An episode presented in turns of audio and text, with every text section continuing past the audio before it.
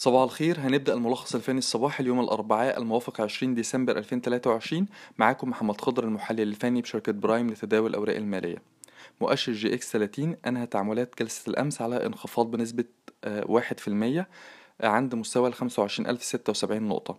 طيب إحنا شايفين التراجع ده إزاي؟ شايفين التراجع ده طبيعي بعد موجة ارتفاع أخيرة بدأت من ال 24000 نقطة وصولا إلى ال 25500 يعني المؤشر ارتفع حوالي 1500 نقطة.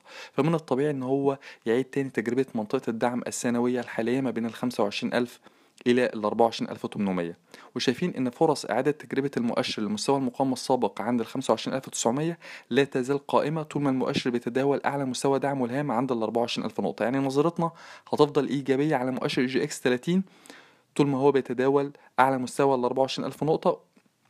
والنظرة الإيجابية دي متمثلة في قدرته على إعادة تجربة ال 25900 ننتقل منه على مؤشر EGX 70 اللي, أنهى هو الآخر تعاملات جلسه جلسة الأمس على انخفاض بنسبة 1.12% عند مستوى ال 5426 طيب إحنا شايفين التراجع ده إزاي؟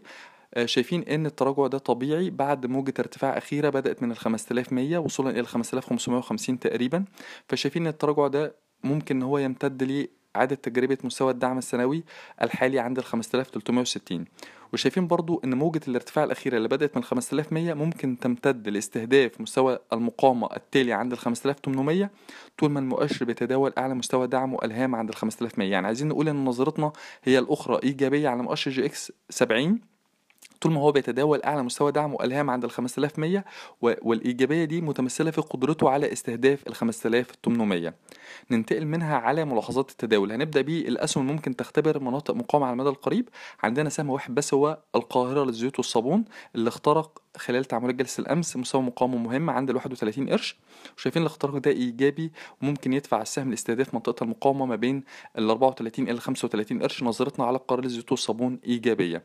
أما بالنسبة للأسهم ممكن تختبر مناطق مقاومة ولكن على المدى القصير. عندنا سهمين. السهم الأولاني هو السويدي اللي بيتحرك باتجاه آه، مستوى مقاومة سنوي مهم عند ال 29 جنيه. وشايفين إن اختراق ال 29 جنيه هيأهله لاستهداف مستوى المقاومة التالي عند ال 32 جنيه.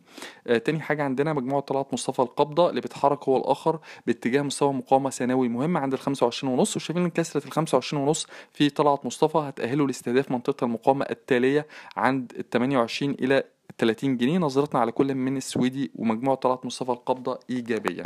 شكرا.